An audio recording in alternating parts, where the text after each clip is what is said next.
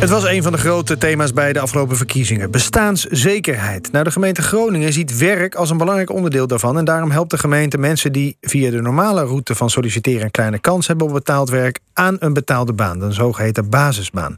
Hoe werkt dat? Wat levert dat eigenlijk op? Ga ik vragen aan Daan wie is die zo'n basisbaan heeft. En uh, Carine Bloemhoff is wethouder werk en participatie in Groningen. Goedemiddag allebei, van harte welkom. Uh, mevrouw Wiers, mag ik eens bij u beginnen? U heeft een basisbaan. Wat voor werk doet u? Ik werk in de wijk, als je zou kunnen zeggen, wijkverbinder. Ik ben al ja. jaren uh, uh, werkzaam uh, met het organiseren van bewonersbijeenkomsten. Ah. Het, het de pleintjes opgaan om mensen te leren kennen.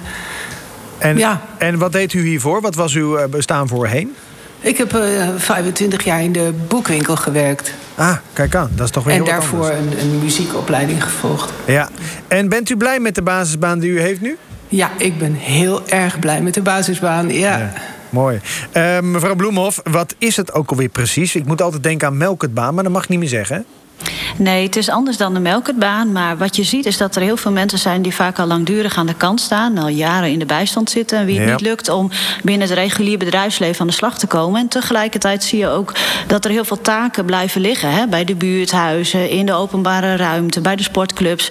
En wij hebben van die takenbanen gemaakt, basisbanen voor tenminste het minimumloon. Zodat de mensen er ook echt euro's per maand op vooruit gaan. Ja, ja. en het zijn dan, even voor de goede verstaan, het zijn geen commerciële banen, zeg maar. Het is altijd via de gemeente.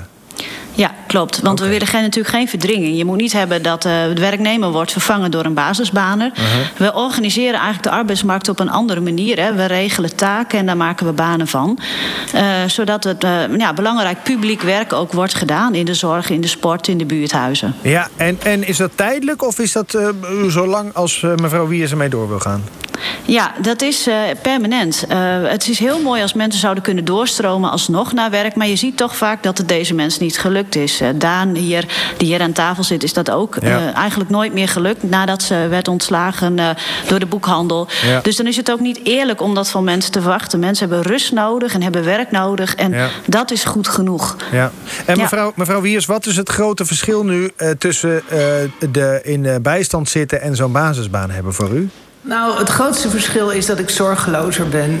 Want ah. uh, je realiseert je niet helemaal hoe je altijd bang bent om te weinig geld te hebben als je fiets kapot gaat of je moet naar de dierenarts. En sowieso, als je de supermarkt ingaat, ben je altijd bezig met. Uh, ja, eigenlijk realiseer je het je niet eens. Maar je merkt nu uh, hoeveel meer ruimte het biedt. Ja, dus u, u houdt er een, een paar honderd euro meer per maand op ja. over dan uh, de, dat u in de uitkering zat. Ja, ja. absoluut. En ja. dat is een wereld, dat is wel een wereld van verschil. En is het ook nog meer dan geld?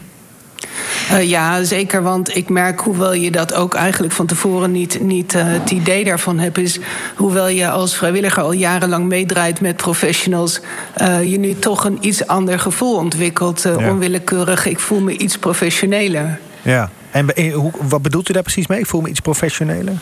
Uh, dat ik uh, me gelijkwaardiger voel met de, de professionals waar ik mee, al jaren mee, uh, mee omga. Ja, ja dus, dus, dus je bent niet meer een soort van vrijwilliger of nee. zo. Nee, je bent een echt volwaardige collega en je kan je dan ook ja. als zodanig opstellen. Ik weet niet of ik het ben, maar zo voel ik me in elk geval wel. Ik ben niet meer de bewoner. Nee, precies. Zo precies. Nou, volgens mij ja. bent u gewoon die collega hoor. Dat, dat mag u uh, volgens mij gerust uh, zeggen.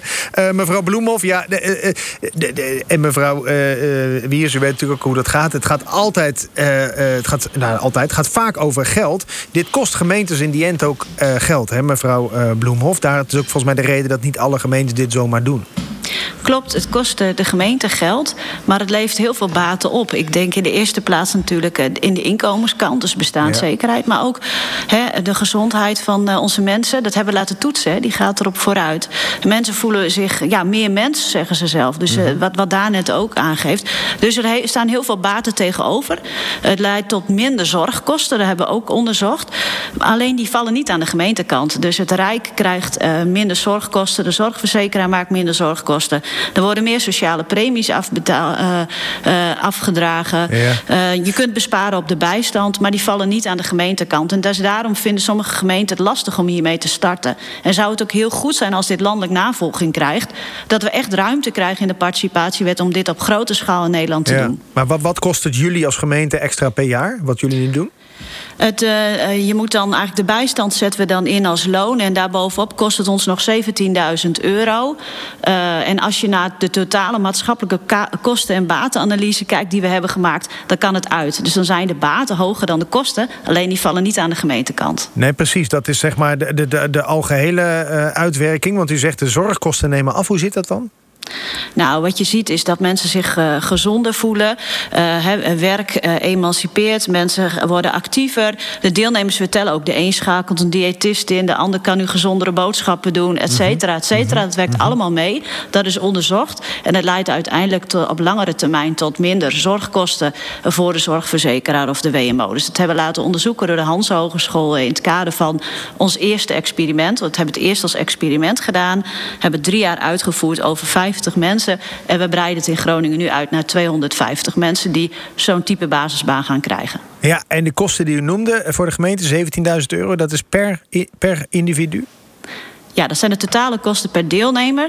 Maar we hebben ook nog wel partijen die een bijdrage kunnen leveren. Hè? Bijvoorbeeld waar de, de basisbanen klussen voor doen. Dus ja. voor de coöperatie, voor de zorginstelling. En daar hebben we ook nog wel wat in verdieneffecten. Maar in principe moet je dat bedrag, het verschil tussen 32.000 euro en de uitkering 15.000 moet je overbruggen. Ja, ja, ja nou, dat, is, dat is natuurlijk een serieuze, serieuze uh, overweging. Um, de, de, sommige mensen, uh, begrijp ik ook, ik weet niet hoe dat u, u zit, mevrouw Wiers. Sommige uh, deelnemers zijn ook wel eens benauwd dat ze bijvoorbeeld als ze een basisbaan hebben, dat ze dan niet meer in aanmerking komen voor toeslagen. Hoe, hoe, is dat het gevoel wat bij u ook leefde? Of? Nou, dat, dat is denk ik voor iedereen die in de bijstand zit, uh, zoals ze dat vroeger noemden, wel een, een angst inderdaad.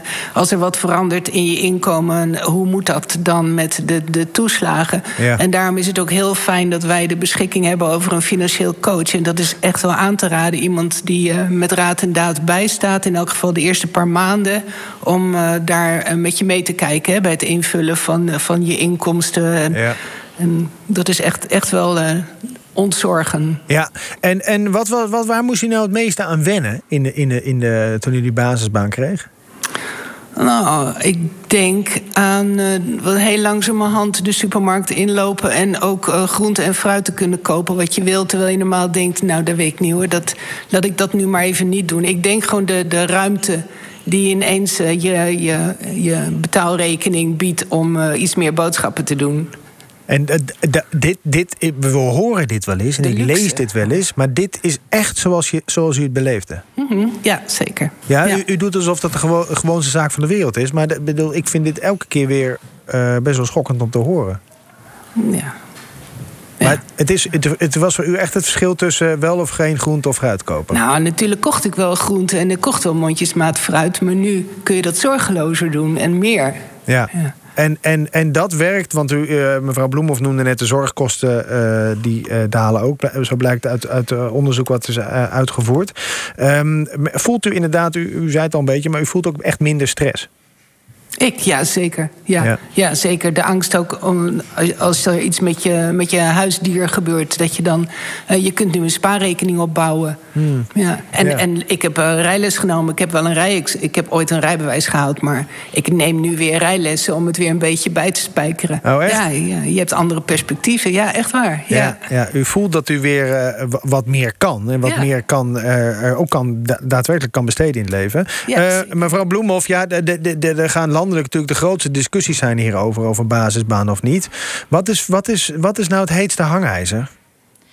Uh, wat het heetste hangijzer is, nou, denk ik, of men bereid is deze kosten op tafel te leggen landelijk. Uh, maar volgens mij hebben, ze, hebben alle partijen in de campagne aangegeven dat ze voor bestaanszekerheid gaan. Mm -hmm. En dat gaat gewoon om meer euro's in de portemonnee overhouden. En tegelijkertijd mensen perspectief bieden, ja. ontwikkelmogelijkheden. En dat kan de, deze basisbaan. Dat laten de deelnemers in Groningen gewoon zien. Dus ik zou willen zeggen, zet alle schroom en alle negatieve argumenten die er ook wellicht zijn, of alle financiële argumenten nou eens opzij. Ja. Ga gewoon investeren in basisbanen in Nederland. Want het kan. Maar kijk, die uitkering zijn we toch al kwijt. Hè? Ja.